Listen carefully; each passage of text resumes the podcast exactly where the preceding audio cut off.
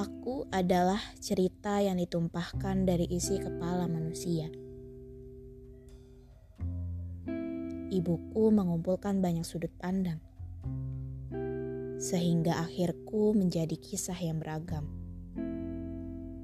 Beragam makna, beragam rasa.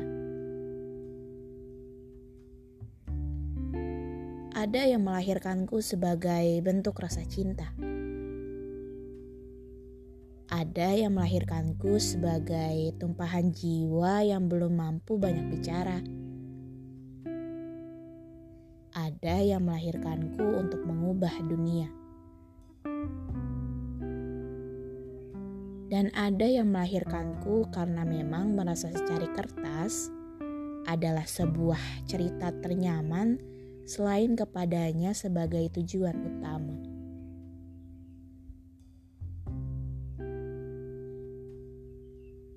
Ibu tidak banyak bicara, tetapi jemarinya liar menari menggoreskan tinta hingga lahirlah aku yang mampu orang lain baca. Aku tahu ibu malu ketika kali pertama mengenalkanku pada dunia. Berantakan dan tak berirama. Ibu juga tak jarang ragu menunjukkanku pada pembaca. Hingga pada suatu ketika, ibu berusaha keras mempercantik diriku dengan belajar tata bahasa.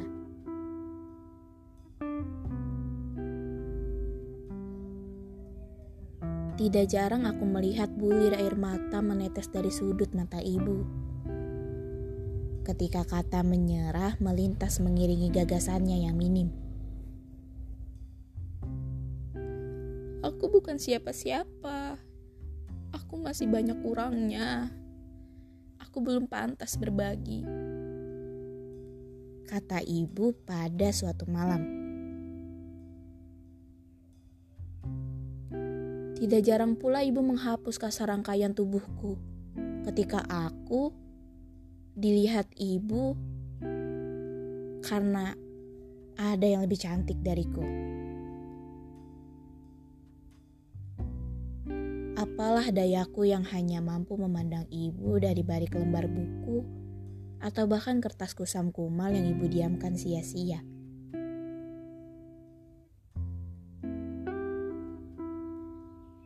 Ibu, tidakkah kau tahu Aku meringis ketika kau tak lagi melanjutkan goresan penamu.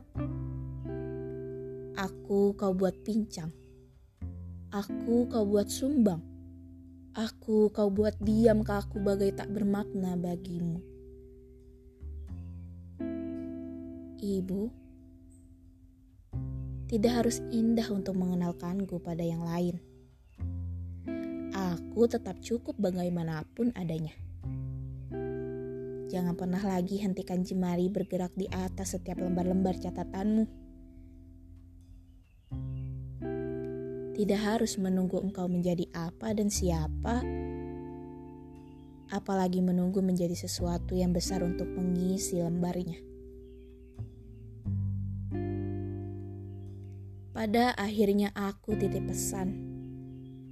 Ketika nanti ruh tidak lagi membersamai raga, ibu harus ingat bahwa aku satu di antara hal-hal yang akan selalu abadi.